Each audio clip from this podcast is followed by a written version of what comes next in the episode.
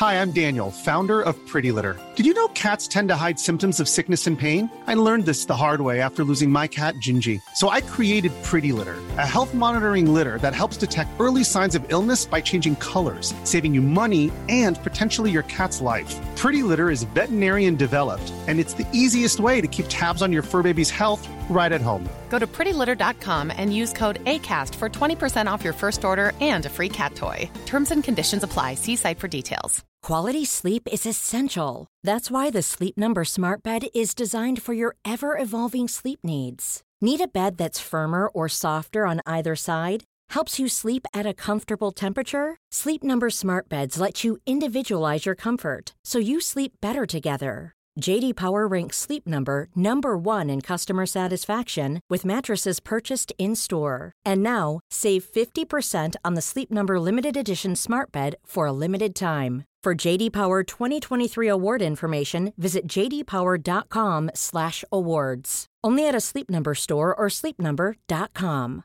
A lot can happen in three years, like a chatbot may be your new best friend. But what won't change? Needing health insurance. United Healthcare Tri Term Medical Plans, underwritten by Golden Rule Insurance Company, offer flexible, budget friendly coverage that lasts nearly three years in some states. Learn more at uh1.com.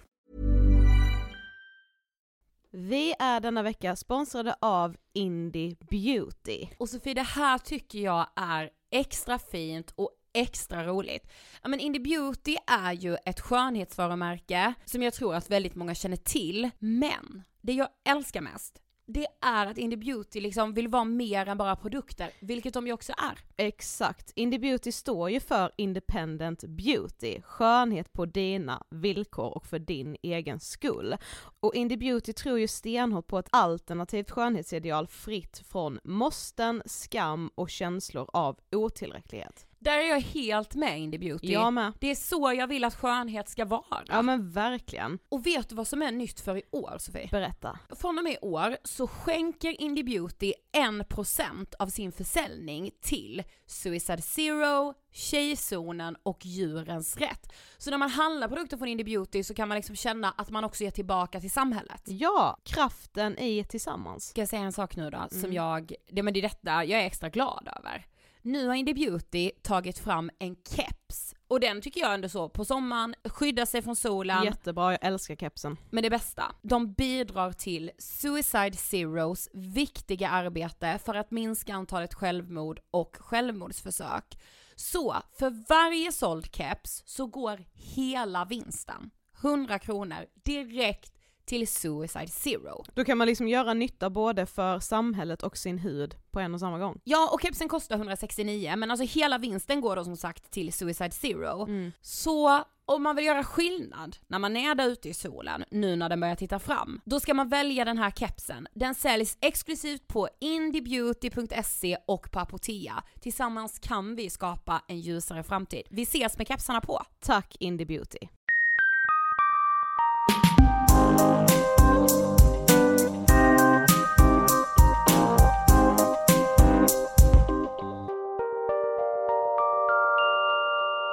Hej allihopa och välkomna till avsnitt 290 av Ångestpodden. Hej! Wey. Jag heter Ida Höckestrand. Och jag heter Sofie Hallberg. det där är otroligt nu.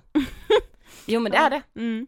Hur är läget? Ehm, det är lite svajigt. Jaha. Eh, jag har varit väldigt, väldigt rädd denna veckan. Eh, för att jag ska börja må dåligt igen. Sa jag, helt ansträngd.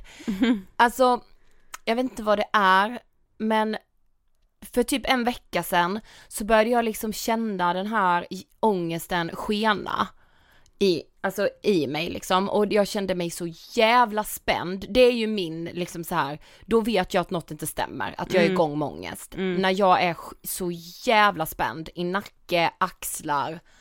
Eh, och jag vet liksom inte, det är verkligen hönan eller ägget. Kommer spänningarna och då får jag ångest, eller kommer ångesten och då får jag spänningar? Ja precis. Jag har ingen aning. Nej. Eh, men jag, jag vet inte, alltså jag har försökt jobba lite med acceptans. Mm. Och att jag bara såhär, men det är inte något hokus pokus som gör att när månen står som den gör nu så mår du dåligt. I så fall handlar det om att sommar ska bli höst. Mm. Och jag har skitsvårt för det. Mm. Eh, men då tänker jag att jag ska hamna i samma svacka som jag var i då för ett år sedan. Ja, så det är lite svaj. Men det är det med, alltså då tänker jag, och man bara ja, och hur mycket av mina tankar är sanning? Cirka typ 2% Ja, skulle jag alltså- säga. Det är fan inte mycket Nej, mer. nej, nej, nej, nej. Alltså ja men verkligen. Ja, Och ehm, ja, men där är jag i alla fall. ja, så kan det vara Hur liksom. mår du själv? Alltså vad, Eh, ja, men jag skulle vilja säga att de senaste dagarna här har jag mått väldigt bra. mm. Eh, som jag sa förra veckan så är det ju lite, den här tiden på året är alltid lite jobbig för mig, Mm. alltså det är så här, ja men som du säger med att sommar ska gå till höst. Inte för att jag för den sakens skull ogillar hösten, för Nej. det gör jag inte. same. Ogillar eh, det jag håller på med i livet, för det gör jag inte. Alltså det har ingenting med det att göra, det är bara det här, och det, det blir så mycket, ska skriva nytt kapitel, Ah. man ska vända blad och alltså som nostalgiker det är, det är pissjobbigt med nystarter och allting sånt. så men bortsett från det så har jag ändå mått eh, bra de senaste dagarna och det har varit väldigt skönt. För det har jag inte Mm. gjort på länge, har jag Nej. känt. Åh gud vad härligt. Ja, så eh, ja men det samlade intrycket, bra. Ja, alltså jag med egentligen, men du vet så här, alltså och jag får så många så här vissa dagar, du vet så här stora livskriser. Mm. I att så här, Och, och så här med, det är ju inte en stora livskris. Nej, men det är ju inte det. känns ju som men det. det är stora frågor att fundera på. Ja. Häromdagen var jag så här, nej, tänk så kommer inte jag och min kille funka.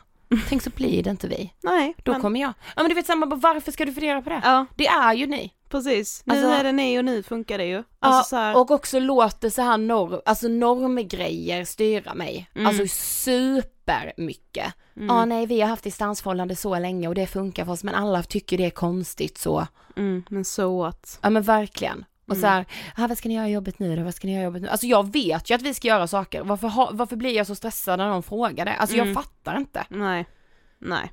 Mm. Det var det. Den allvarsamma leken livet.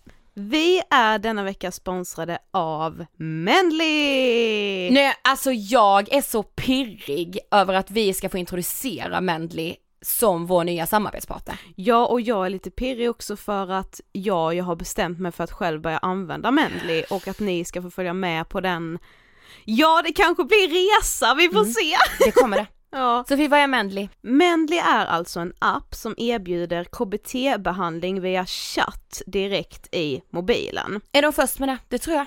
Det tror jag också. Alltså, och det är så fint för oss att få börja samarbeta med Mendley just för att vi vet att väldigt, väldigt många av er brukar fråga oss, vet ni vad jag kan chatta? Men samtidigt liksom gå i terapi? Att terapin genomförs dels med chatt. Mm.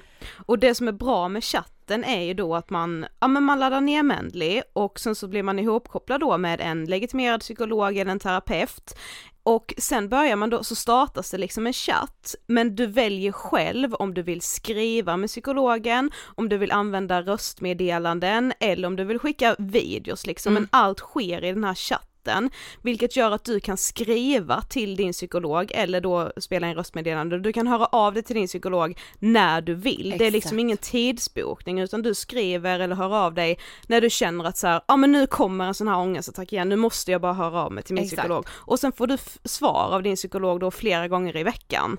Ja detta gör ju med att liksom det blir inga väntetider utan du, ja men som du säger Sofie, när andan faller på, när de här känslorna kommer, tankarna kommer, då kan du skriva direkt eller spela in liksom ljud, vad man nu föredrar. Mm, vilket ju gör att det här blir ju flexibel terapi på riktigt. Ja det är sant. Ja. Gud vad det är sant. Men för den sakens skull, men så här, man kanske måste skriva då mitt i natten någon gång om man ligger och mår väldigt dåligt. Då kanske man inte får svar direkt av sin psykolog om man hör av sig mitt i natten, men man kommer få svar flera gånger i veckan. Ja, och för dig som patient så är det ingen kostnad. För att använda Mendley så måste man ha bank-id och vara över 18 år. Ladda ner Mendley via App Store eller Google Play. Och om du vill läsa mer innan du laddar ner appen så kan du göra det på mendley.se. Tack Mendley! Vilket avsnitt vi har framför oss. Ja, Du vet det är nästan den här spänn fast säkerhetsbältet läge. och det är ju lite återbesök fast i vårt vanliga flöde, för den här gästen har ju gästat oss för länge, länge sedan dock. Ja, den här veckan så gästas vi av den helt otroliga Isabelle Boltenstam. Ja, och hon gästade ju oss alltså 2000, var det 16? Det var 2016 ja, precis. det är alltså fyra år sedan. Ja, då hade hon ju relativt nyligen Mm. eh, tagit sig tillbaka från en utmattning Mm. och ehm, jag tror liksom att nu när hon är tillbaka hos oss så har hon helt andra perspektiv än vad hon hade då. Ja för nu har hon ju också skrivit en bok som heter Lycka till med resten av livet, som jag varmt kan rekommendera för det första. Jag läste den, alltså sträckläste Ja, den. det gjorde jag också. Eh, och den gjorde väl såklart att hon liksom fick tillfälle att reflektera över ja men strukturer och händelser som hon faktiskt inte hade gjort när hon gästade oss för fyra år sedan. Ja, alltså just att så här, åh, eh, vad säger samhället? Jo, samhället säger att du ska jobba röven av dig för att du måste, måste, måste det om du ska komma någon, någonstans. Liksom. Ja och sen tror jag med att när man har blivit dåligt behandlad på en arbetsplats, som ju Isabelle Mm. har blivit, det kommer ni höra mer om i intervjun, så tror jag att det tar år av liksom bearbetning för att liksom komma ihåg alla händelser man egentligen har varit med om. För när man Exakt. blir dåligt behandlad också, det är samma sak som att man blir mobbad i skolan, alltså jag tror att det läggs så många olika händelser på hög så att det går liksom inte bearbeta dem i ett bräde utan Exakt. man måste låta det ta tid. Jag tänkte bara så här, för jag såg på Adlibris, då Mm. står det så här om Isabelles bok och jag vet att så här, det här säger någonting om avsnittet ni ska få höra. Mm. Lyckan är inte att uppnå högt uppsatta mål eller nyårslöften. Det är att befria sig själv från kravet att ständigt förbättra sin person. Mm, Det ringar in dagens avsnitt. verkligen. Så vi rullar intervjun med Isabelle Boltenstam. Varsågoda! Hej Isabelle och välkommen tillbaka! Tack så säga. hemskt mycket, det är så kul att vara här. Ja, Ja men du känns som en naturlig del av Ångestpodden nu tycker jag. Visst gör det, och Ja. det slog mig att vi har ju inte träffats så många gånger, alltså vi kanske bara har träffats två gånger, men ändå när man kommer hit man bara, här är mina bästa vänner, nu ska vi kramas, och så får man göra en tråkig coronaspark. och så. ja. Men vad, vad fint att du känner så för jag känner också så. Mm. Ibland är jag liksom... Har vi ens sett sen vi poddade? Nej, och det är ju, vad är det? Fyra år sedan. Nej, är det fyra år sedan? Ja. Fyra år sedan. Herregud vad det har hänt grejer på den tiden. Men ni vet när, man när jag scrollar i flödet så kommer du upp där, då är det så här. Jag vet Ja. att du är en sån person som jag, jag kan känna igen mig själv mycket i dig och då blir det att man får det här bandet. Ja. Ja men visst är det så? Men jag tror att det är så när man delar hjärtefrågor också, att man, Ja. man har koll på varandra, Ja. man stämmer av med varandra, man känner att man har varandras rygg även om det är över Ja. Instagram liksom. ja precis. Men som sagt fyra år sedan. Och för alla nytillkomna lyssnare ska du bara få berätta så här, vem är du? Jag är, eh, jag säger precis som jag gjorde här för fyra år sedan, en klämkäck skåning. eh, och jag är programledare och sportreporter i TV och så har jag skrivit en bok om utmattningssyndrom och utmattning är ju det som har blivit min hjärtefråga. Eh, inte för att jag nödvändigtvis ville det men för att jag hamnade där själv och upptäckte att det fanns ingen hjälp att få riktigt. Så då har jag försökt fylla det tomrum som jag upptäckte när jag själv blev sjuk. Du har ju redan fått den här frågan men du ska få den igen, den kanske har förändrats. Men vad tänker du på när du hör ordet ångest? Nu tänker jag mer än vad jag svarade då. Då svarade jag prestationsångest Ja, och att det var någonting som kom för mig lite senare. Nu så ser jag ångest som någonting som många tampas med i det tysta. Någonting som drabbar så många människor, någonting man känner sån skuld och skam över. Att det liksom kan sluka en hel livslust. Mm. Så tänkte jag inte då. Nej. Men det fina är ju att man utvecklas och, eh, och liksom vidgar sina vyer lite grann och får fler perspektiv än bara det egna. Mm. Ja men du sa det ju det att du har skrivit en bok, lycka till med resten av livet. Alltså den är så bra Isabel, nej men det är en sån jäkla bra bok. Tack. Och jag, alltså när jag läste den som jag sa till dig precis när du kom här idag att så här, jag satt och bara, ja, eh, ja, ja, ja det där, alltså när man bara får så här bekräftelser på sina känslor, ja, det, det är det skönaste som finns. Ja. Eh, men alltså den handlar ju då om din utmattning och vi pratade ju om den redan 2016 då när du eh, gästade. Men vi tänkte ändå att vi liksom ska göra en liten recap så här, vad var, alltså hur såg ditt liv ut när du blev utmattad? Då hade jag ganska nyligen börjat på ett nytt jobb. Det var egentligen mitt första riktiga jobb på eh, liksom arbetsmarknaden. Eh, mm. Då hade jag hoppat av skolan för att jag fick det här, den fantastiska möjligheten som det ju alltid kallas. Mm. Eh, och då hade jag börjat jobba som sportreporter och kände att jag, jag hade ingen aning om vad jag gjorde, jag var så ny, Ingen lärde mig hur saker och ting fungerade eh, och jag hamnade dessutom i klorna på ett företag som inte behandlade mig väl överhuvudtaget. Mm. Eh, vilket då skulle bli mitt stora fall kan man säga.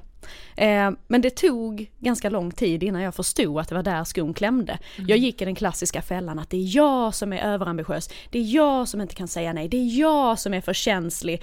Den här branschen är jättehärlig men det kanske är jag som inte passar in åt helvete med det. Mm. För det är inte där skon klämmer. I mitt fall så var det ju att jag tillhörde då en minoritet i det här eh, fallet. Mm. En jättemansdominerad bransch. De flesta över 40. Ja, jag kom in, jag var 21-årig tjej. Det gav inte supermycket respekt eh, hos kollegor och, och chefer får man ju säga. Mm. Så det är väl den snabba recapen på varför det gick åt helvete för mig. Mm. ja för du hamnar ju liksom i, i tv-branschen mm. och man tänker väl så att att du inte hade så mycket tidigare arbetslivserfarenhet överhuvudtaget måste ju ha varit, alltså det är ju en så stor grej att bara vara i tv-branschen mm. tänker jag så att man bara säger wow vad är det här, nu måste jag liksom ta det här, liksom smida medans järnet är varmt på något sätt. Absolut, och det var ju någonting som folk också sa, alltså utan att riktigt förstå det tror jag. Både familjemedlemmar och vänner uh. och eh, liksom halvkompisar man träffar på bussen ibland. Mm. Då var det mm. så här, wow du har det här jobbet, Fy fan vad sjukt. Fan vad häftigt, ja. åh så sjukt att du får lön dessutom. Du får se världens fetaste fotbollsmatcher och så får du lön. Och man ja. bara, ja jag är jättetacksam. Alltså Precis. man hamnar i en så jävla skitig roll. Ja. Där man bara, man börjar ju svälja allting för jag är så lyckligt lottad. Då kommer den här tacksamhetsskulden in. Mm. Som man ju kan kan förslavas under totalt. Mm. Att man, man struntar i hungerskänslor, man struntar i att man behöver sova för man är så tacksam att man får vara i det här finrummet, man får tillhöra mm. en plats där 21-åriga tjejer inte är. Mm. Och så fick jag den här chansen, wow! Ja ni hör ju, mm. det, det, är bäddat för. Men skulle du säga att du hade någon aning om vad du faktiskt hade för rättigheter på arbetsmarknaden? Nej, nej absolut inte. Men det har man ju inte. Nej, Alltså Nej, det, jag tycker det är så jäkla sjukt, alltså mm. Det är inte konstigt att man blir utnyttjad och det tänker jag, det handlar inte bara om att du var i tv-branschen för att unga människor utnyttjas ju om de så jobbar ja, liksom på absolut. ett litet sommarjobb någonstans. Att, för att man ja. har ingen aning om någonting, man är liksom inte förberedd för arbetslivet. Nej och det här är också någonting som jag tycker är ett stort jävla problem. Att vi någonstans har byggt upp den här idén om att man ska göra sina hundår, mm. man ska kämpa ja. i början, man ska visa sig värdig av mm. saker. Det är en det är en bild vi bara måste sluta med. Mm. Och då är det så här, ja men de som är chefer nu, ja men de gick igenom tuffa grejer Just och de ja. har lärt sig bita ihop, det är så man härdas i branschen. Ja fast det gör ju också att jättemånga otroligt kompetenta människor blir utbrända eller byter karriärspår mm. helt och hållet. Mm. Just för att de, de bryts ner under den här onödiga processen där vi ska bara lära oss att stålsätta oss, den mm. är inte nödvändig. Nej. Och så där kände jag framförallt, för jag fick hela tiden höra att jag skulle ha skinn på näsan. Oh, och då tänkte jag att det gäller när jag ska ut och intervjua hockeyspelare och hockeytränare i vårt avlånga land. Men det var ju mot min egen chef. Mm. Det var ju han som gjorde det, alltså, utgjorde det största hotet mot mig. Mm. Det var ju hans eh, liksom, sätt att försöka stålsätta mig, det var ju det som bröt ner mig, inte uh. själva arbetet. Nej, nej. Så det tycker jag också är så kontraproduktivt. Vem är det vi ska ha skinn på näsan emot och varför? Ja. Ja det är så, ja men gud det är så intressant. Uh. Och också så här, alltså jag, jag tänker mycket på det just att Alltså det tror jag med är, eller jag ser det hos alla mina kvinnliga kompisar att så här, men om någon säger till dem att, ja men den här veckan kanske det blir 50 timmar istället för 40 timmar på jobbet. Mm. Alltså som ung tjej, eller vad fan som, hade jag börjat någonstans nu hade jag eh, med all säkerhet kunnat säga, men det är ingen fara. Jag löser det. Mm. Jag fixar det absolut. Ja. För jag det är ju någonting vi har lärt oss att göra också. Ja. Mm. Och någonstans så vet vi att ja men om vi inte fogar oss, ja men då finns det 10 000 andra tjejer som kommer göra det istället. Eller killar eller liksom bara ambitiösa personer generellt. Och är det någonting man dessutom får höra att så här, ja om inte du visar framfötterna då finns det någon annan som kommer ta ditt jobb. Vilket min chef sa till mig. Då är det klart som fan att jag kommer in på min obetalda övertid och kör vidare. För jag vill ju visa att det är jag som ska ha den här rollen. Det är jag som Åh, ska visa att jag vill ha det mest. Och då sätter man ju den här ambitionen Precis. i ett sånt utnyttjande. Att det är inte konstigt att man mår dåligt. Men gud att han sa det är också så o, alltså vad säger man, inhumant. Alltså det är Ja. så här, hur kan man säga så till en ung människa som precis, ja, hur kan man ju- säga så till någon Nej men, till, ja, men här, det de står orden 10 i sin 000 mun? andra som vill ha det här Ja. jobbet. Alltså Ja. förstå och yttra de orden där, på en arbetsplats där man själv liksom är ytterst ansvarig. Ja, Jag liksom så här, finner inte ord för det. Nej. Men där kommer man ju in på de större krafterna att eh, om man då tar ett företag där en sån kultur finns. Ja, om de har fokus på att gå si och så många miljoner plus varje år. Klart det är skitbra om folk arbetar 75 timmar istället för 40 men på samma lön. Det ger ju klirr i kassan för företaget och Precis. eh, det är aktieutdelning och det ena med det tredje. Ser ju toppen ut att det här företaget går så himla bra. Men då vill jag också att vi kanske ska redovisa hur många som bryts ner i den arbetsmiljön. Hur många som offras för att siffrorna ska bli så här fantastiskt fina. Precis. För det är ju det mänskliga perspektivet vi sällan tar. Gud tänk om alla företag hade fått redovisa sådana saker. Mm. Hur många som hade blivit sjukskrivna på arbetet. Alltså, Det vill jag se. redovisa övertidstimmar. Åh herregud ja. Oj oj oj. Oj oj oj. Och det är så det här, hade jag med velat. Tänk att få, alltså jag hade, hade det kommit hem som ett, ett magasin till mig, där man kunde sitta och bara, olika företag, oj, oh, risiga siffror, ja jättemånga miljarder plus, men hoppsan vad folk mår skit hos er. Ja, det kanske är precis detta man behöver. Ja. Men Vi kom du- på någonting här nu. Men du skriver det i din bok också, alltså du vet så här att du, du skriver det att du är så trött på att så här, ja men det väl, gör ju ingenting om företagen så här tipsar om meditationsappar eller typ så här, Nej. men ta din eh, fri- frivårdstimme eller vad det heter. Alltså om, om att så här, om inte resterande del av företaget jobbar för en god hälsa. Nej, och det där är ju någonting som fortsätter vara ett problem, att man pratar om liksom företags hälsovård och. Att man pratar om friskvårdstimmar, man pratar om att vi har höj och sänkbara skrivbord. Ja, nu är ju det lite skitsamma när det kommer till hur man behandlar sina anställda. Alltså visst, det är ju jättebra för era ryggar att ni får stå upp, men om ni har en chef som behandlar er som piss, då kommer det inte hjälpa med Nej. ett höj och sänkbart skrivbord. För så kände jag. Eh, att ja, det, det är väl jättebra att vi byter mattor, att vi har jättemånga härliga plantor här inne som gör att vi får en trevlig arbetsmiljö. Men arbetsmiljö är ju framförallt hur vi behandlar varandra. Men det pratar vi sällan om. Exakt. Jo, för du skriver också mycket om att så här, att man ska lära sig att säga nej. Eh, och så skrev du det att så här, du inte riktigt kunde relatera till, man har ju läst otaliga krönikor om att det är så viktigt att lära sig att säga nej. För att så här, du sa ju, alltså du kunde säga nej till så här, släkt och vänner, Eh, det var snarare det du gjorde för att du jobbade så mycket. Alltså vad, alltså, vad tänker du, alltså utveckla det. Just, jag tror många har hört det. Liksom. Ja men detta är ju en klassiker som man säger just till en individ. Du måste lära dig säga nej.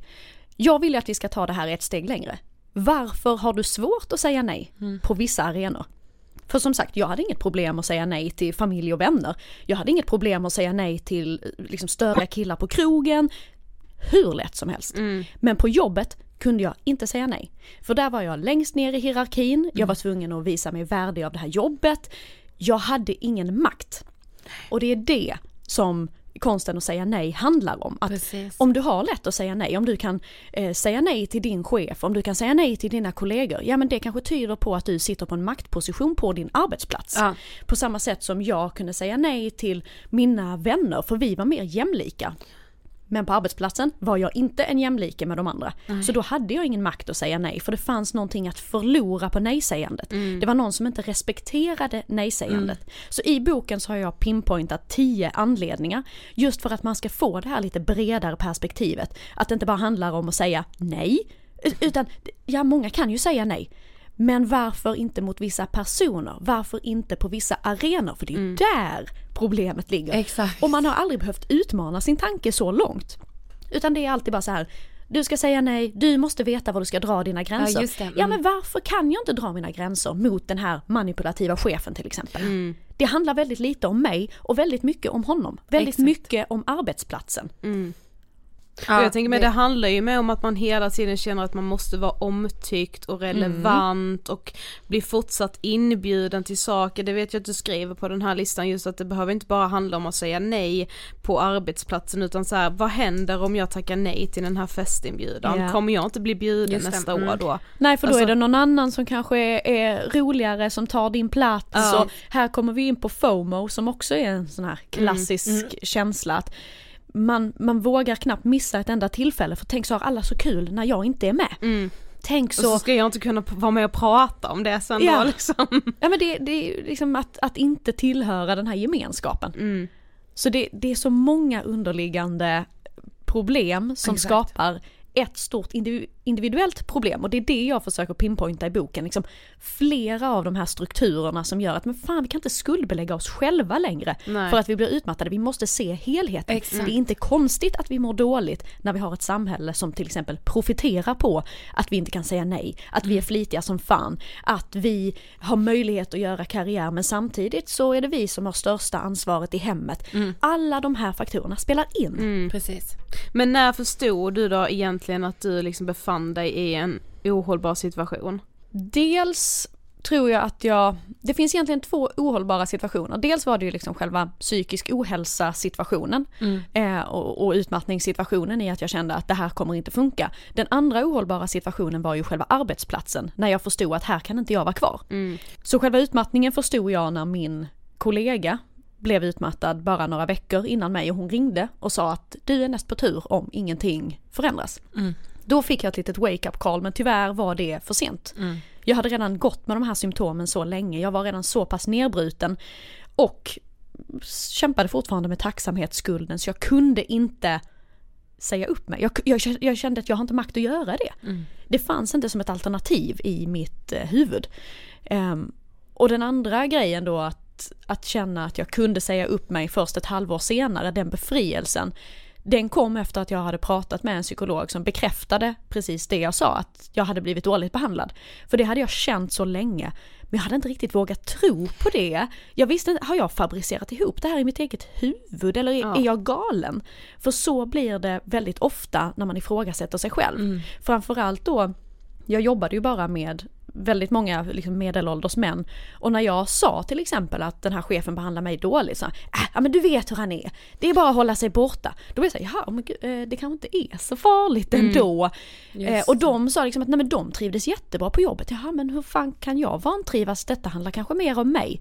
Nej, det handlade ju om att jag blev dåligt behandlad för att jag var en ung tjej. De Exakt. blev inte dåligt behandlade för de var medelålders män med supermycket erfarenhet. De mådde inte dåligt på jobbet för de blev inte utsatta. Nej. Men det gjorde att jag ifrågasatte mig själv ännu mer för jag var ju den enda som kände så här.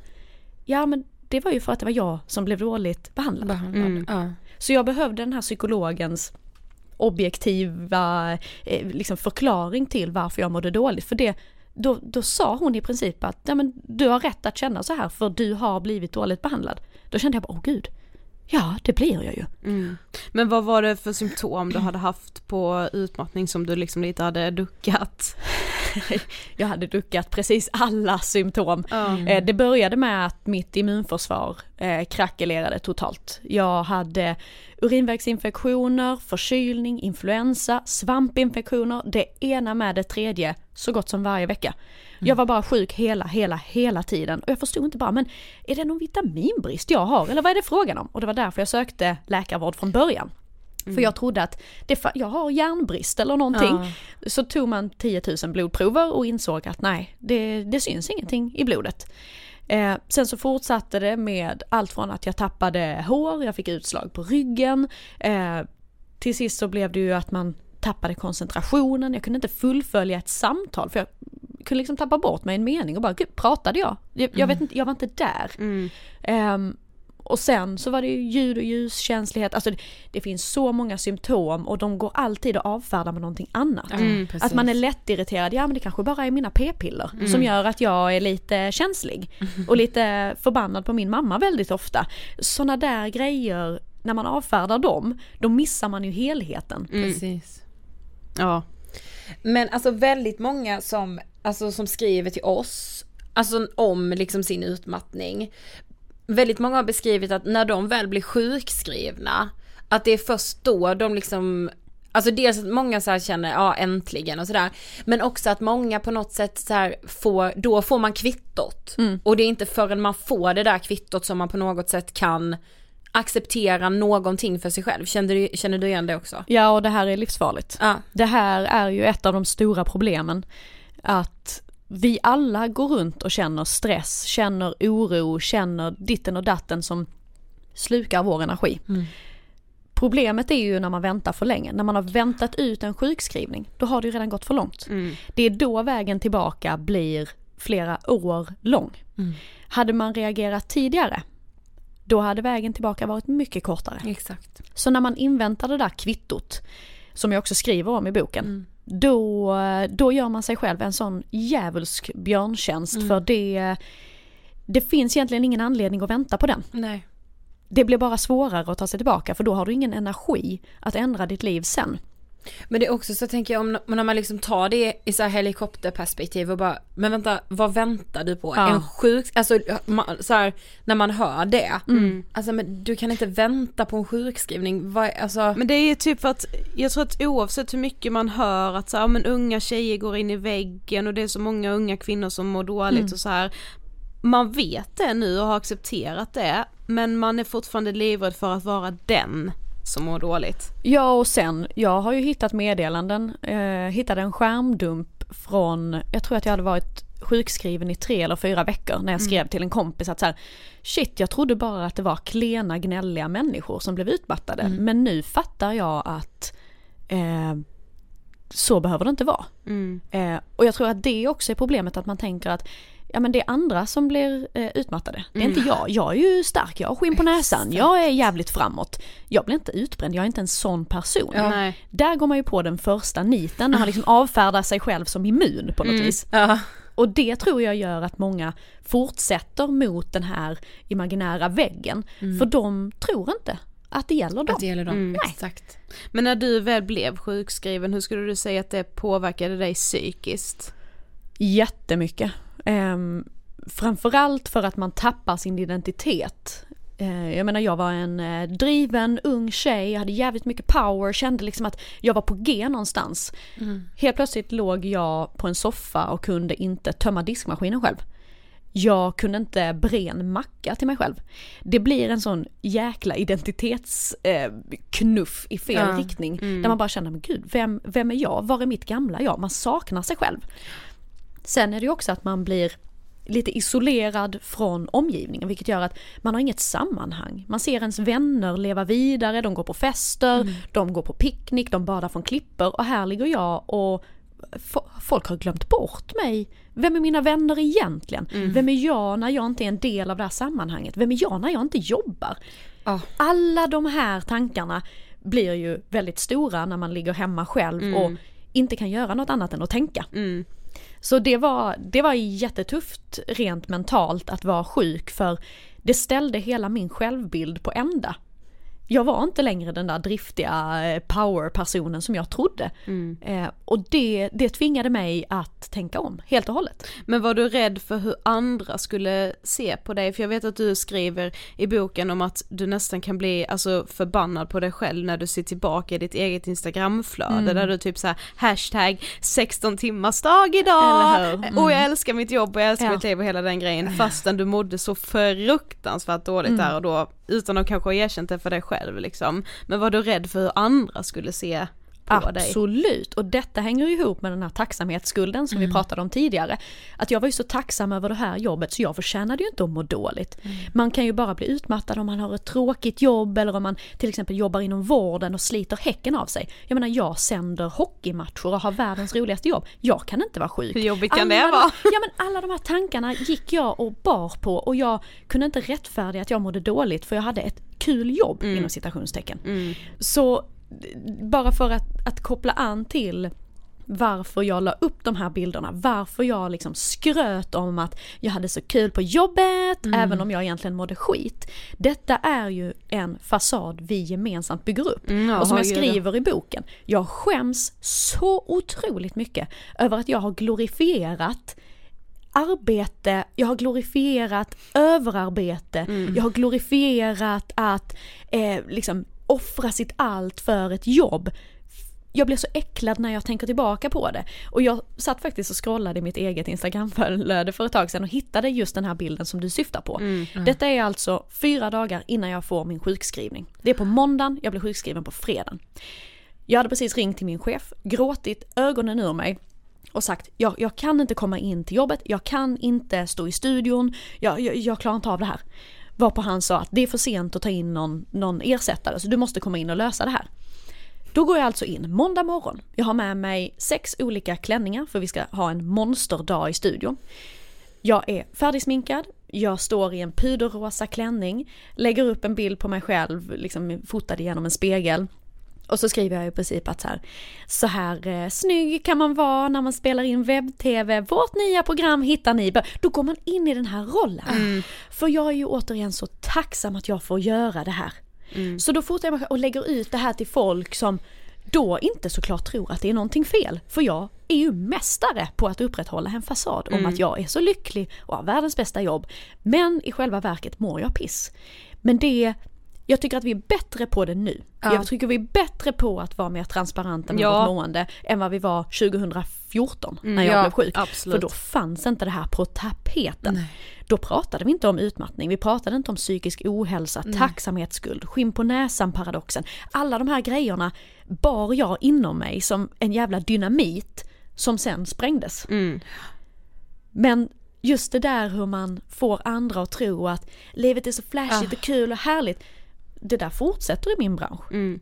Jag, jag ser det överallt att så här, eh, jobba kväll, jobba helg, inga problem, det är så kul, det är en ynnest att få vara i den här branschen.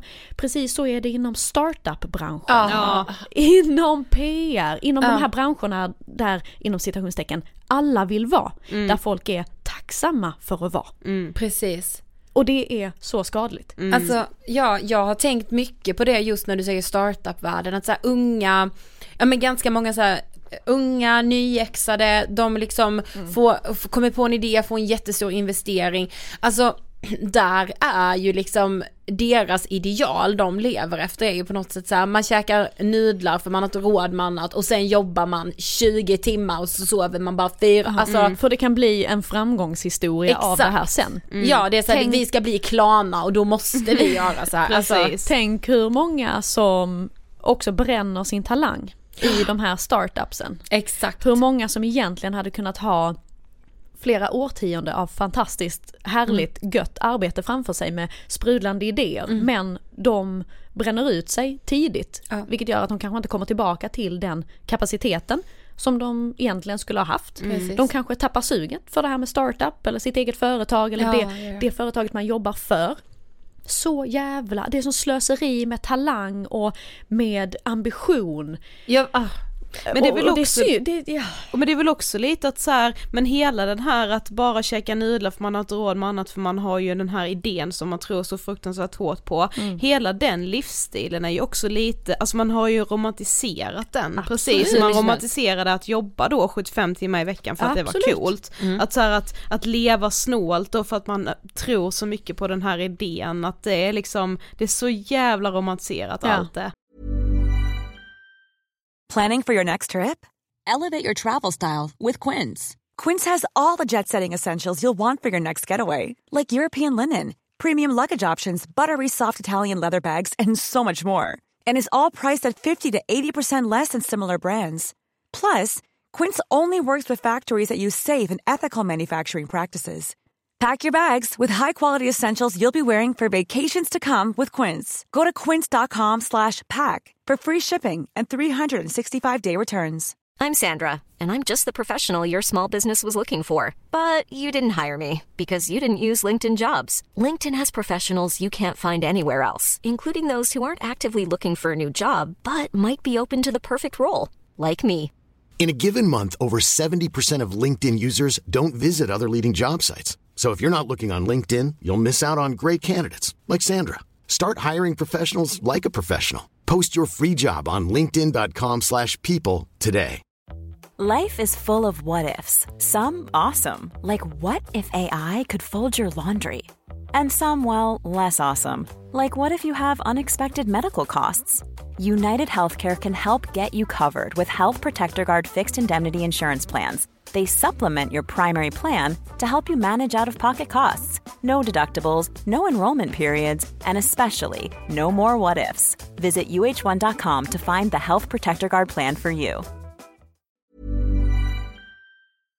Och precis detta börjar ju jag boken med, just det här eh, att Gunde Svan, eh, när han programledde eh, Fångarna på Fång- fortet, ja, att han mm. sa ingenting är omöjligt. Ja. Och det är precis det. ja men det är så många som lever efter det, att ingenting är omöjligt, om jag bara satsar kommer det här gå, om jag bara offrar mig så kan jag få allt, jag kan bli nya Klarna, jag kan bli Ja. nya Spotify, ditten och datten. Det stör mig så mycket. Mm, för det är inte en realistisk bild och den gör, jag, jag tänker att man då sätter ribban på en nivå som är utom denna värld. Att det är jättebra med ambition. Men den kanske ska vara rimlig, den kanske ska vara, vi kanske ska förstå vad vi offrar för att få det där arbetslivet. Vad offrar vi i form av vänskap? Ja. Vad offrar vi i form av familjeliv? Vad offrar vi i Precis. form av liksom att odla sina egna intressen? Ja. För jag vet när jag jobbar som mest, inte fan hade jag intressen. Nej, LOL, nej. vem hann med det? Ja. Jag, hade ju, jag höll ju på att göra en karriär. Ja, Men precis. sen ett annat perspektiv som också är jätteviktigt att ta är att det är ju inte bara liksom startup och mediebranschen Nej, och det här nej, utan nej. jag tänker så mycket på de som inte får sin megafon, alltså folk inom vården, folk inom äldrevården, Ja. folk som sliter med arbeten som är så otroligt slitiga på en också känslomässig nivå. Exakt. Och de har ingen megafon. De skriver inte böcker för de har fullt upp med att rädda liv. Precis. Så det är också ett privilegium att jag kan sitta och skriva den här boken Mm. och få den publicerad och ditten och datten. Det är så många historier man vill höra Så- från människor som inte hörs. Ja, i allt ifrån liksom, ja men vården så här, folk som jobbar offentlig sektor, alltså kommuner Ja. som tar ett enormt ansvar för att ingen annan gör det. Ja, och så Eldsjälarna Ja. liksom. exakt, som finns överallt men som också bränner sig rätt av Ja, liksom. det är ju de som faktiskt bär det här samhället. Visst är det Många det. gånger. Ja, men detta vet jag att, eller vi var inne på det lite nu, men du skriver också om det. Alltså vi kan ju känna så ibland, nu har man ju pratat om psykisk ohälsa, man har pratat om utmattning. Och ibland känns det som att då är folk lite nöjda att säga ja men nu har vi pratat om detta, vad Vi skönt. har ju lyft på lopp. Ja men vad skönt att några där ute pratar om det här så, så löser det sig. Men vi lever på liksom fortfarande på exakt samma sätt. Alltså vad tänker du kring det? Huvudanledningen att jag skrev boken är just det här. Mm. Att gå från individens egna lilla problem i att du måste lära dig meditera, du måste få in mer yoga i din vardag, du måste lära dig att andas med magen och sätta gränser. Det är inte där problemet ligger. Nej. Problemet ligger i att vi har ett otroligt skevt samhälle som profiterar på vissa. Eh, Det är få som vinner på det här men det är väldigt många som bryts ner i ett system. Eh, Det handlar om ojämställda roller i hemmet. Också en grej som vi har pratat om mycket men vi ser inte så mycket förändring kanske. Och då blir det också lite det här, ja men nu tar ju män ut fler föräldradagar. Ja, men det känslomässiga arbetet på hemmaplan tillhör fortfarande kvinnor.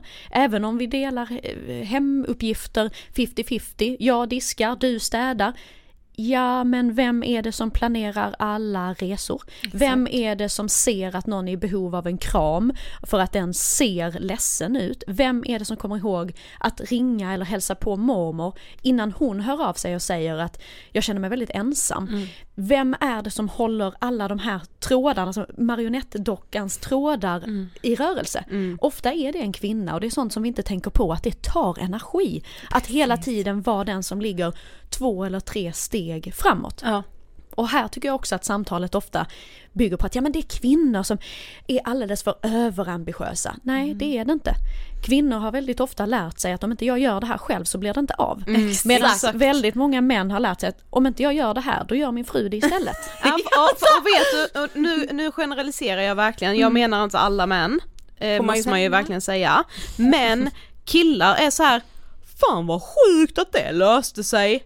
Ja. Nej, jag har krattat vägen för dig din dumma jävel. Ah, jag Alltså, har förlåt, krattat men- en manér. Ja, men Den de här fatt- dopresenten har jag handlat. jag har kommit ihåg blommor till middagen med dina föräldrar. Alltså, Alltså på tal om detta, jag måste säga det var väldigt kul. Min sambo och jag skulle ha eh, ett par kompisar över på middag förra veckan. Och båda, båda parter i det här paret har läst boken. Och nu är det så att Killen i förhållandet är min gamla barndomsvän och hans flickvän känner jag lite halvt. Alltså jag är mer eh, i, i relation till killen i ja, ja, förhållandet. ja. Så när de skulle hem till oss så, eh, så hade han frågat sin tjej vad de skulle ta med som gå bort-present. Varpå hon hade sagt du, vi har läst den här boken båda två. Du borde veta vid det här laget att det är din uppgift att fixa någonting. Så han hade liksom såhär, ja just fan. Och då hade det blivit ett litet wake-up att säga, ja men det gjorde han per automatik. Ja. Inte för att vara dum, inte för att han är lat, han är liksom så bra på alla sätt. Men det här är en struktur som har hängt med så jävla länge. Att det är tjejer som vet vad någon annan vill ha i Ja. present. Det är tjejer som tar de här små värdena av att liksom bry sig om andra. Det är vår uppgift. Ja, Så vadå, jag trodde du ville Ja. gå och köpa present för du tycker väl det är kul? Alltså, du är så bra på det. Men jag tyckte det var så roligt att i och med boken, i och med att de hade läst samma sak, så kunde hon bara så här, så, på sida bla bla bla, där kan du läsa mer om det här. Så han hade gått ner till floristen och valt ut blommor då, för hon bara, nej jag tänker inte göra det. Nej. Han bara, nej, ja det är helt rätt. Men han behövde den där påminnelsen Exakt. av att just det, det är de här könsrollerna vi har. För det är det jag tänker också. Jag tror att många män och killar där ute, de är inte ens medvetna Nej. om att de råkar skicka de här uppgifterna på oss. precis. Utan det är sånt de har gjort och de har sett sina papper och eh, liksom brorsor göra samma med kvinnor i deras liv. Det är så det är. Och det är ju detta som är en struktur. Inte kanske av illvilja, eh, men kanske lite av bekvämlighet. Ja. Att det är så det har varit och det Precis. är så det är. Ja det är ju liksom ingen som gör det, eller ja det kanske det finns med, jag ska inte säga ingen men alltså så här, det är många, det är inte många som gör det för att vara elaka på något Nej. sätt. Nej. Utan det bara De blir tänker så. bara inte på det och det är Nej. därför första steget är att lyfta på locket och visa det här är problemet. Men sen måste man ju agera på det. Och det är ju Precis. det som är det svåra steget för det kräver ju inte bara att då om vi tar eh, hemmet som, som eh, arena här. Det handlar ju inte bara om att kvinnor måste släppa kontrollbehovet. Nej. Det handlar ju om att män måste axla kontrollbehovet också. För annars så blir det ju att ingen köper den där gå bort-blomman. Utan där handlar det om att förskjuta eh, liksom ansvaret. Ja men verkligen. För och jag tycker det är så skönt på något sätt också för jag har Alltså jag har många gånger tänkt själv att så här, men gud det kanske är för att jag har sånt kontrollbehov eller det är för att jag liksom, jag skulle aldrig släppa det ansvaret men fast det krävs ju att någon annan tar det ansvaret. Ja, för annars kommer du sitta på helspänn och veta att ja, min sambo köper inte den där Precis. studentpresenten eller ditten och datten. Men, eh, men det där med kontrollbehov är ju nästa fråga som jag också skriver jättemycket om Ja. i boken. Är det någonting som vi kvinnor föds med? Är det någonting vi lär oss? För om jag tittar på tidigare kvinnor i mitt generationsled då har ju de fått saker att funka. De har köpt kalendrar, de har haft struktur och ordning, de har haft köplistor, de har haft att göra-listor. Medan deras gubbar inte har haft det. Nej. Nej, för de har ju inte behövt ha det. Och det, jag hade aldrig liksom reflekterat över det själv innan jag fick höra så att ja men det är ofta kvinnorna som typ bokar resorna som du nämnde, jag bara ja det är mamma som har bokat alla våra resor genom Ja. åren. Det är hon som har haft bokningsbekräftelsen och referensnummer och har alla passen nu så Ja, inget, och pappa har inget glidit med. Han har klippt tånaglarna och gått på planet. Det är liksom har kört bilen till Arlanda liksom. Men, men, och precis detta skriver jag ju också mycket i boken. För att det fysiska arbetet att boka en resa är ju inte det svåra.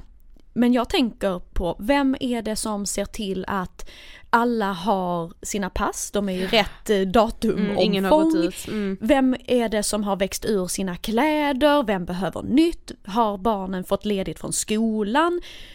All, alla de här små sakerna som inte bara är att trycka på boka-knappen, de tillfaller väldigt ofta kvinnan. Och det är just det här återigen, att tänka flera steg framåt. Det är ju inte någonting vi föds med den egenskapen utan vi har lärt oss att göra det för att saker ska funka. Precis. Och det är det här jag så himla gärna vill att fler tjejer ska förstå att det är inte att du har ett abnormt kontrollbehov utan du har lärt dig att göra det här för att saker ska funka. Det ska vara smooth sailing, då behöver du ha ett kontrollbehov. För att din partner kanske inte har det. Exakt. Men återigen så hamnar man ju i den här liksom självkritiska, ja men Mm. det är mitt kontrollbehov som är Exakt. för stort. Det är jag som får ångest när det inte blir så här, ja men det kommer ju någonstans ifrån. Mm. Var då? Alltså det är så sant och jag, som du säger, jag vill med bara att tjejer själva ska tänka på det. Att så här, du, det är inte, det är, här är inte ditt fel liksom. Nej. Eller att det är någon så här kon, dålig egenskap du har som du behöver jobba bort. Nej. Alltså det är så viktigt. Mm. Och någonting mer som vi har pratat mycket om nu, kanske lite mer nu i och med corona, det är många som är arbetslösa, man går hemma och gör kanske ingenting.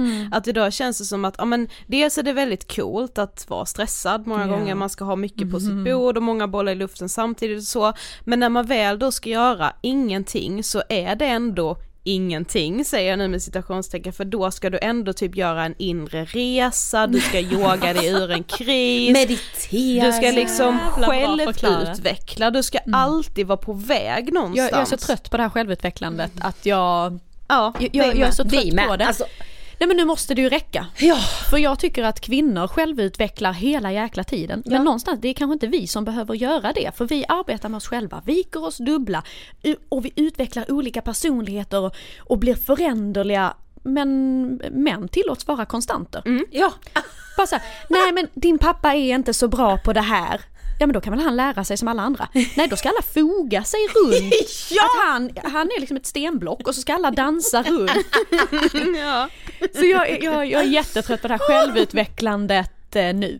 Eh, verkligen. Ja problemet är med tycker vi, vi har pratat mycket om det och kommer göra det ännu mer att självutvecklande också det, det målas upp som någonting som är väldigt enkelt. Alltså så här, att laddar du väl ner den här headspace-appen och, och mediterar varje dag så kommer du må bra. Du, du kommer inte må dåligt mer då. Eller liksom yoga dig ur krisen Ja, men eller vi- Ja, och så har man en chef som är manipulativ och mobbar en på arbetsplatsen och så tänker man att oh, det är bara jag som inte kan andas riktigt bra med magen. Det är det här jag menar med boken, vi måste se varför vi mår dåligt. det handlar inte om att vi yogar för sällan. Nej. Nej. Det är inte det. Det är liksom som att sätta ett plåster på en skottskada. Att så här, ja, det kanske får dig att må bra lite grann för stunden, men det är inte roten till problemet. Nej, Nej. Det kommer sippra igenom Alltså jag kan väl meditera varje morgon men, men jobbar jag 75 timmar i veckan så kommer inte det hjälpa mig. Nej, det får Sluta dig att hålla säg. huvudet lite över vattenytan, Exakt. men det, det löser inte problemet. Nej, och ändå samtidigt så här, åh du ska vara framgångsrik, upp klockan fyra, duscha kallt och sen är det bra. Bara, ah, hur stressad som helst av det. Ja. Men det, det här är ju det här är jättesvårt för det här är vår tids, eh, liksom, det här är diskussionen nu. Vi har ju pratat så länge om att förbättra sig själv och utveckla sig Precis. själv. Men nu tycker jag att i och med det här samtalet som vi har nu, vi är ju i ett litet paradigmskifte där vi Ja. också vänder på det. Men hur mycket ska vi behöva då lägga in? Det ska vara gå upp klockan fyra på morgonen, duscha kallt, dricka eh, varmt vatten med citron, sitta och meditera, skriva tre tacksamhets... eh, Ja, ja, ja, i en journal. Det är inte problemet. Nej. Vilken man skulle någonsin få de här tipsen när han mår dåligt, när han blir dåligt behandlad på sin arbetsplats. Nej, men du måste bara lära dig att andas med magen, andas i kvadrat, eh, ta en skogspromenad. Nej, nej, nej. Problemet är att vi är i ett samhälle som inte gör oss de här tjänsterna. Precis. Om vi är unga, om vi är kvinnor, om vi är svarta, om vi tillhör en minoritet av någon sort. Samhället är uppbyggt efter normen. Tillhör du inte den på vilken arena det än är, då springer du uppförsbacke. Mm.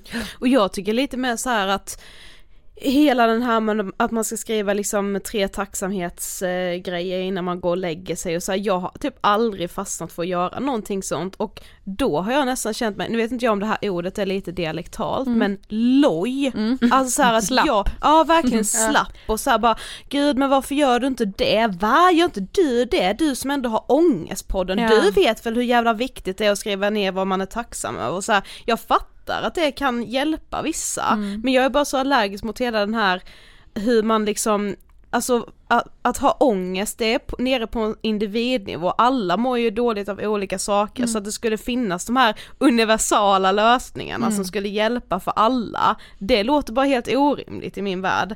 Ja. Och då blir jag bara så, jag blir så anti det och det kanske också är fel på något sätt. Nej men någonstans tror jag att de här, alla de här sakerna som vi nu har skojat lite om, Mm. det är klart att de hjälper vissa människor.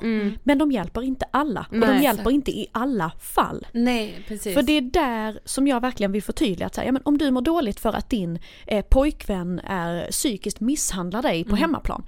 Då handlar det inte om att du ska ändra något litet fragment hos dig. Exakt. Problemet ligger någon annanstans och det är det jag verkligen vill så här, trycka på för alla som lyssnar. Problemet ligger inte hos dig. Man måste vidga vyn, se den stora bilden. Det är inte konstigt att jag mår skit om jag blir behandlad som skit. Precis. Då hjälper det inte att anteckna tre saker man är glad för. Då är det inte det som är problemet. Nej, det är inte där skavet ligger, Nej. att man är dålig på att komma Nej. på vad man är tacksam över. Nej, nej, Nej. precis. Och, och någonstans så tycker jag också att det finns ju en business på det här. Att kvinnor ska jobba med sig själva. Så vi vet ju allt från sminkbranschen, det är sheet masks, det är unna sig själv, det är investera i sig själv, det är att köpa anteckningsblock där man ska fylla i olika saker.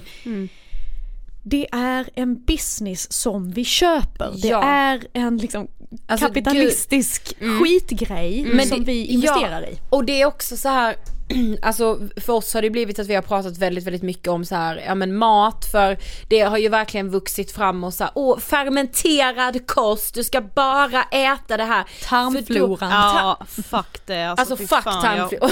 på Alltså, jag är så, alltså du vet jag vill bara säga ja jag har kommit på något nytt, häll milkshake i din fucking tarmflora. Så kommer Ja. Nej men du vet alltså, Men det är detta jag Ja. menar, att detta är så små, alla de här sakerna vi har nämnt, det är sådana små minimala pyttegrejer.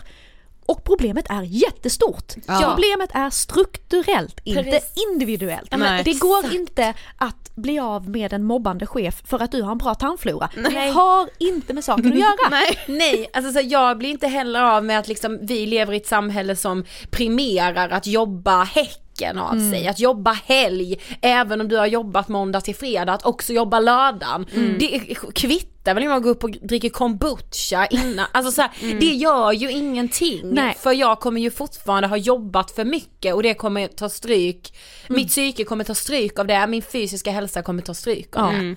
Jag jämför ju detta i boken eh, med ett exempel att, liksom, att vi är som ett hus i behov av renovering. Ja. Eh, det- luktar avlopp i vårt badrum så vi behöver egentligen liksom riva upp golvet, byta ut avloppssystemet. Vi behöver göra den stora justeringen. Exakt. Istället går vi och hänger upp massa Wunderbaumgranar för att dölja den här äckliga doften. Och det är ju, en Wunderbaumgran är kombuchan, Ja. en Wunderbaumgran är tankeövningarna. En Exakt. Wunderbaumgran är eh, 15 minuters meditation på bussen. Ja. Visst, det kanske gör det lite lättare att vistas i rummet, men problemet kvarstår. Exakt. Och vi tänker ju med så här, vilket du också skriver om i- boken, just det här med att man projektleder mycket som kvinna och så, att helt plötsligt så kan man liksom projektleda sin egna psykiska hälsa också, Ja. genom då att äta fermenterad kost, yoga, mm. säger så många gånger liksom, och vi, det vi, anledningen tror jag till att vi är så allergiska mot det är för att vi har tänkt så mycket på vad kommer det, de här enkla lösningarna göra med samtalet kring psykisk ohälsa i längden? Om jag börjar må piss på arbetsplatsen, vågar jag verkligen säga det då? För no- jag tänker ju bara att mina kollegor kommer ju tänka, ja ah, men du har ätit för dåligt, Ja. eller du har yogat för lite. Alltså det blir ju, man förskjuter ju egentligen bara skulden. Ja men detta är också, vi är ju lärda att det är vårt eget ansvar att må bra. Ja. Vi måste ta ansvar för våra egna känslor, vi måste ta ansvar för hur vi mår, hur vi behandlar oss själva. Men någon kanske skulle ta ansvar för hur dåligt min gamla chef behandlade mig. Ja, det ansvaret är det riktiga ansvaret. Och en annan grej när vi pratar om alla de här små sakerna man då lätt gör för att förbättra sin vardag. Problemet är ju att det ofta blir ytterligare stressorer. Ja, för att inte bara har du det här hektiska livet eller det stora problemet, då lägger du även på ytterligare grejer som du måste göra. Ja. Ytterligare eh, liksom saker att checka av att göra-listan. Så istället för att lasta av det överbelastade systemet så bygger du på ännu Mm. mer. Och gör dig själv en jävla otjänst egentligen. För helt plötsligt så ska du inte bara tampas med det stora problemet. Du ska också hitta tid och få in morgonspinningen, du ska hitta tid till att sitta ner och göra meditationen. Och om du inte hinner, då lastar du dig själv för då blir du besviken. Ja. Åh, att jag inte ens klarar att äta den här veganska dieten. Åh, att jag inte ens klarar att få in all träning. Mm. Då får du ju bara ännu mer last på dig själv Mm, i form av precis. besvikelse. Ja den här slappheten som Ja, man och då bara, kan känna. åh fan jag har så dålig självdisciplin. Ja. Det kommer inget gott ur det. Nej. Nej men det är också så här, alltså att vi letar ju ständigt efter så här quick fixes, alltså mår vi dåligt idag är det som att säga, men fan ska jag börja terapi? Då? Gud KBT ska vara så jävla jobbigt, då måste jag börja gräva och det tar ju minst, ja men 10 till 20 veckor, ja men finns det inget, ja men, ja men kosten, bara lägga om det, alltså så här nu att vi är det hela någon som tiden står här och pekar med hela handen vi och säger inte, att jag... ja, men precis, vi bara säger men forskningen säger att terapi är jättebra, ja men fuck, for, vad, finns det inget snabbare? Alltså forskning, vi brukar alltid säga det, forskningen är hotad idag. Och Ja. jag, det är jag livrädd för. För att då växer de här snabba, snabba lösningarna fram. Och så, precis som du säger, det är ju liksom bara så här, det är företagsidéer. Alltså m- men det är som att vi har jättesvårt att se det i de sammanhangen för att vi köper det här ritblocket och bara idag är jag tacksam för och så ska vi liksom slippa skavet för det. Mm. Ja. jag tänker också den inre stressen man känner när man känner att skavet inte försvinner trots att man gör alla de här Ja. sakerna. Där har jag ju en underrubrik som heter just det där jag gör ju allt jag kan så varför mår jag aldrig bättre? Precis. För detta är så vanligt när man tampas med psykisk ohälsa, med stress, med utmattning, att man viker sig dubbel för att bli av med det. Man sätter upp arbetsscheman för att projektleda sig själv ur det här dåliga måendet. Och det är där jag menar att så här, vi måste se att det inte alltid är vi och vårt eget som är problemet, vi måste se den stora bilden. För annars så håller man sig själv ansvarig. Ja. Ja men det är jag som mår dåligt för att jag inte gör det här. Det är jag som mår dåligt för att jag gör för mycket av det här. Nej, det är väldigt sällan så enkelt. Så man måste se hela problemet och det är på en strukturell nivå. Det är ett tråkigt ord, strukturell nivå. Det, det är liksom det, alla hjärnceller blir ju trötta av att bara höra det. Men det kvarstår, det är där Precis. problemet ligger. Ja. Och det är exakt samma sak med att så här, det är ju med så strukturellt just att, ja men det coolaste som finns är att säga att man är sönderstressad. Att så här, det var det enda, jag romantiserade att få leva ett liv när jag gick på gymnasiet där jag kunde säga så här, alltså jag vill kunna säga nej till mina vänner, jag vill, alltså förstår ni och ha det som målbild. Så Ja. är det lite mycket nu. Jag har ett blogginlägg från om det var 2010 där Ja. jag har skrivit, blogginlägget hette typ jag vill... Punkt, punkt, punkt. Och så har jag bara skrivit massa saker jag vill. Ja. Och då har jag bland annat skrivit, jag vill ha ett jobb som är så roligt att jag inte vill gå hem. Jag vill att dygnet ska ha mer än 24 timmar. Detta bygger på samma idé. Exakt. Idén om att känna sig upptagen, någonting ska vara så kul att jag blir carried away, glömmer tid och rum, glömmer mina egna behov.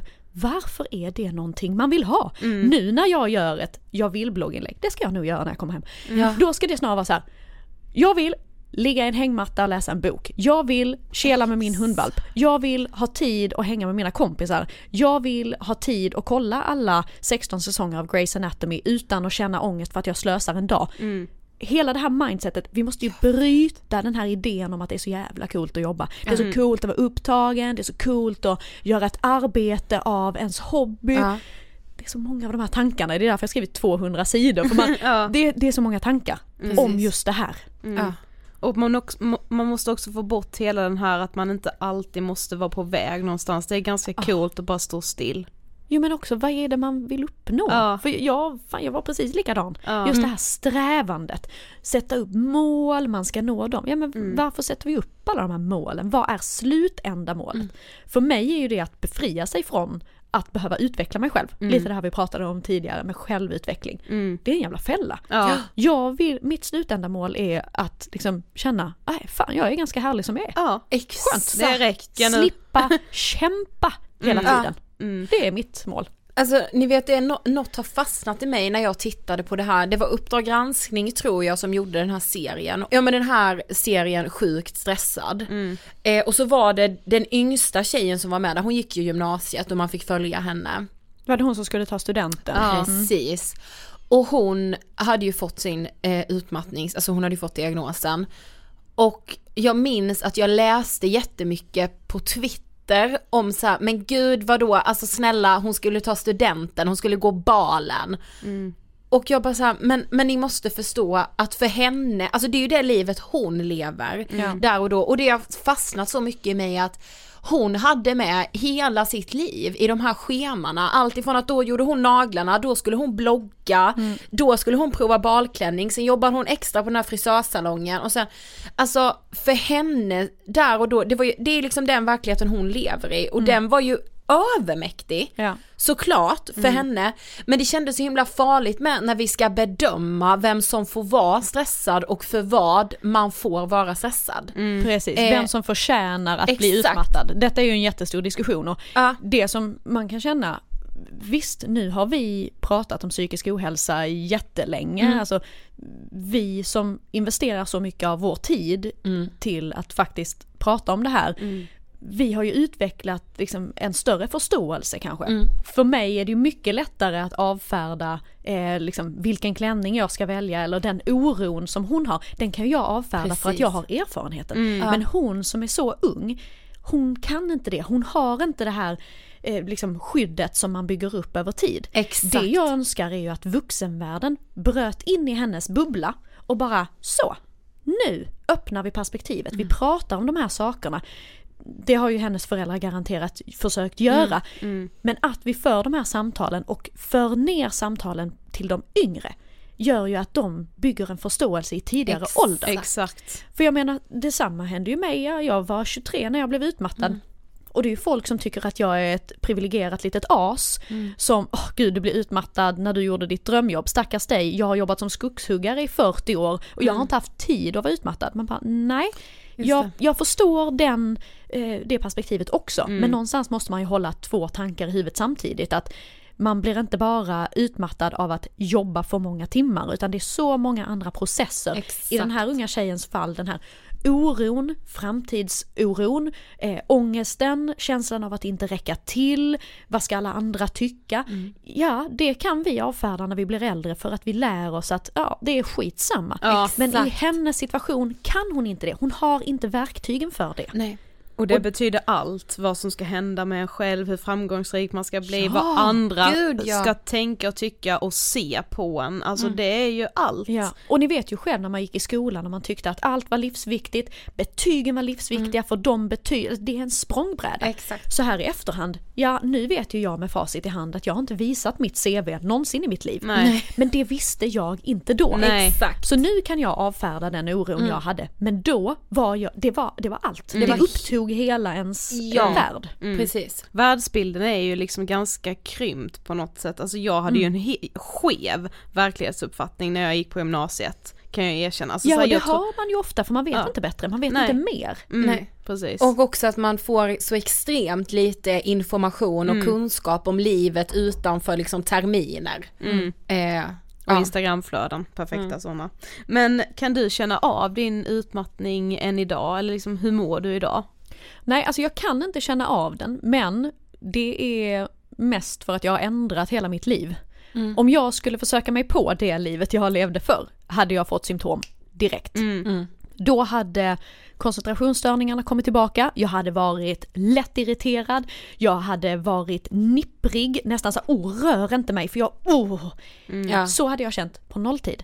Men den stora skillnaden är att jag försöker inte leva så där längre. Nej. Jag ser ingen vinning med det här eviga kämpandet. Nej. Sen så har jag också ett privilegie när man talar om återhämtning i form av att jag har inga barn, jag har bara mig själv att bry mig om, jag kan sova nio timmar per natt.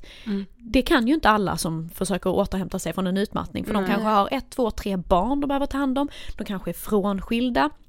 Men jag har ju haft då turen inom citationstecken att jag har haft väldigt goda förutsättningar att ta mig tillbaka. Ja. Men sen finns det ju aktiva val som jag också har gjort. Jag har dragit ner väldigt mycket på det sociala livet. Det som suger väldigt mycket energi trots att man kanske inte tänker på det. Eh, Jag har slutat dricka alkohol för jag vet att det tar så mycket av mig och jag har inte riktigt råd med det rent eh, liksom energimässigt. Eh, Jag har slutat jobba på det sättet som jag gjorde. Jag har slutat bry mig om karriär och, och liksom uppnå nya arbetsmål. Jag är nöjd där jag är, jag lägger ingen energi på att utveckla mig själv där. Det finns så många grejer jag har ändrat och man kan ändra för att må bättre. Så jag tror att det för mig har varit den stora skillnaden till att jag också kan säga då att jag ser mig själv som frisk. Jag får inte de här bakslagen lika ofta för jag utmanar inte mig själv på samma sätt som jag gjorde då. Så det är ju en befrielse i sig. Ja, men du skriver ju väldigt bra om det i boken också, just liksom saker man kan göra för sig själv. Eh, för där, det tror jag med att så här, idag så fiskar vi ju bara efter så här konkreta enkla små tips. Det ska Ja, ja. vara så här, köp det här armbandet typ så ska du, nej men alltså ni vet, nu var det verkligen Ja men man söker ju en checklista som man kan Exakt. bocka av. Ja, som är ganska enkelt. Men jag tyckte det var så bra i din bok att så här, det var mer liksom, det är sätt att tänka Ja. och så här, att förhålla sig till sina tankar. Vilket så här, nej det kanske man inte gör i en handvändning liksom. Nej det, får, det är ju något man får öva på. Absolut.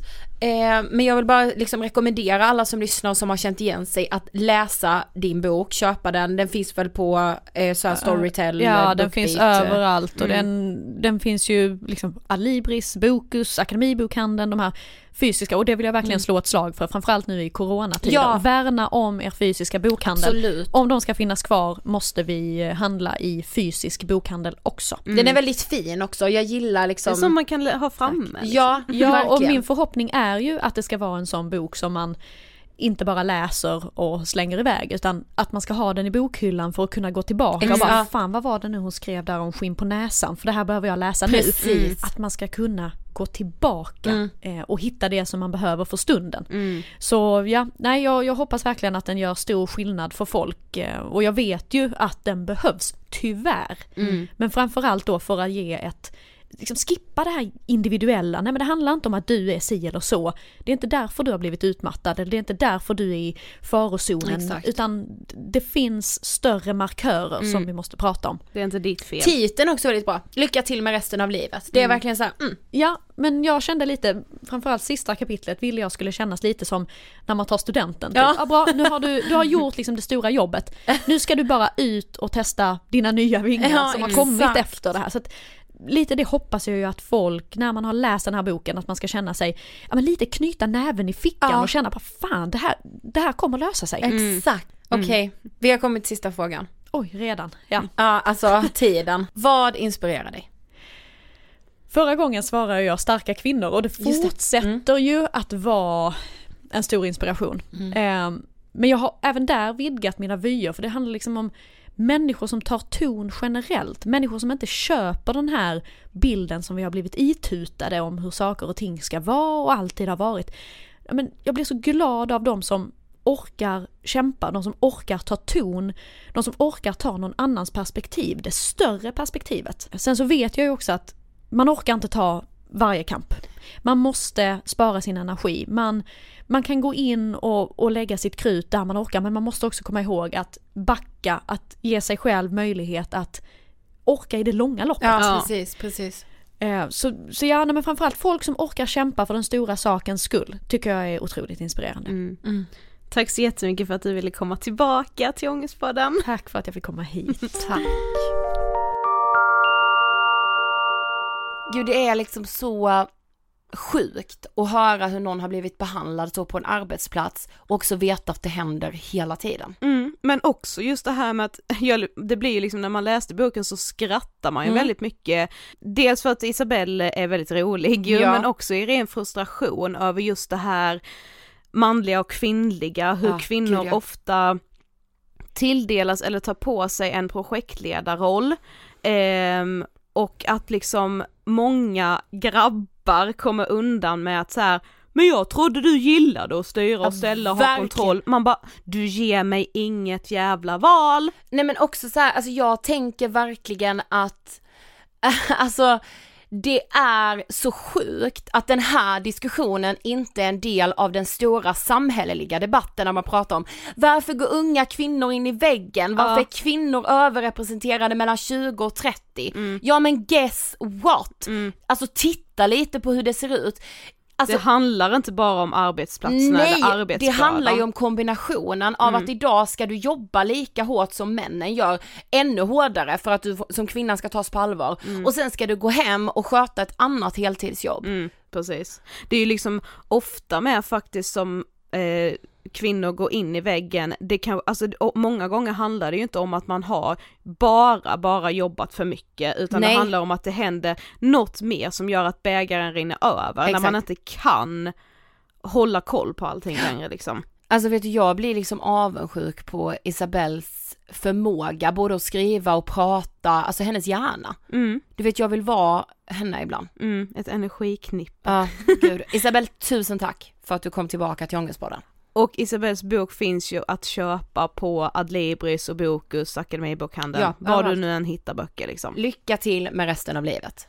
Stark rekommendation. Ja. Eh, ja, det var väl allt för den här veckan. Det var det. Ja. Vet du vad vi ska börja säga? Nej. Så här har jag tänkt på att vi ska börja säga. Det här har varit Ångestpodden. Alltså du, att vi avslutar Nej den var... vet inte alls, vadå? Jo men det gör ju alla radioprogram till exempel, då säger de så här, det här har varit eh, Tankerit P, P, alltså du vet så här. Uh-huh. Det här har varit Ångestpodden, tack för att du har lyssnat. Vi hörs som vanligt och hej. nästa torsdag. hej då!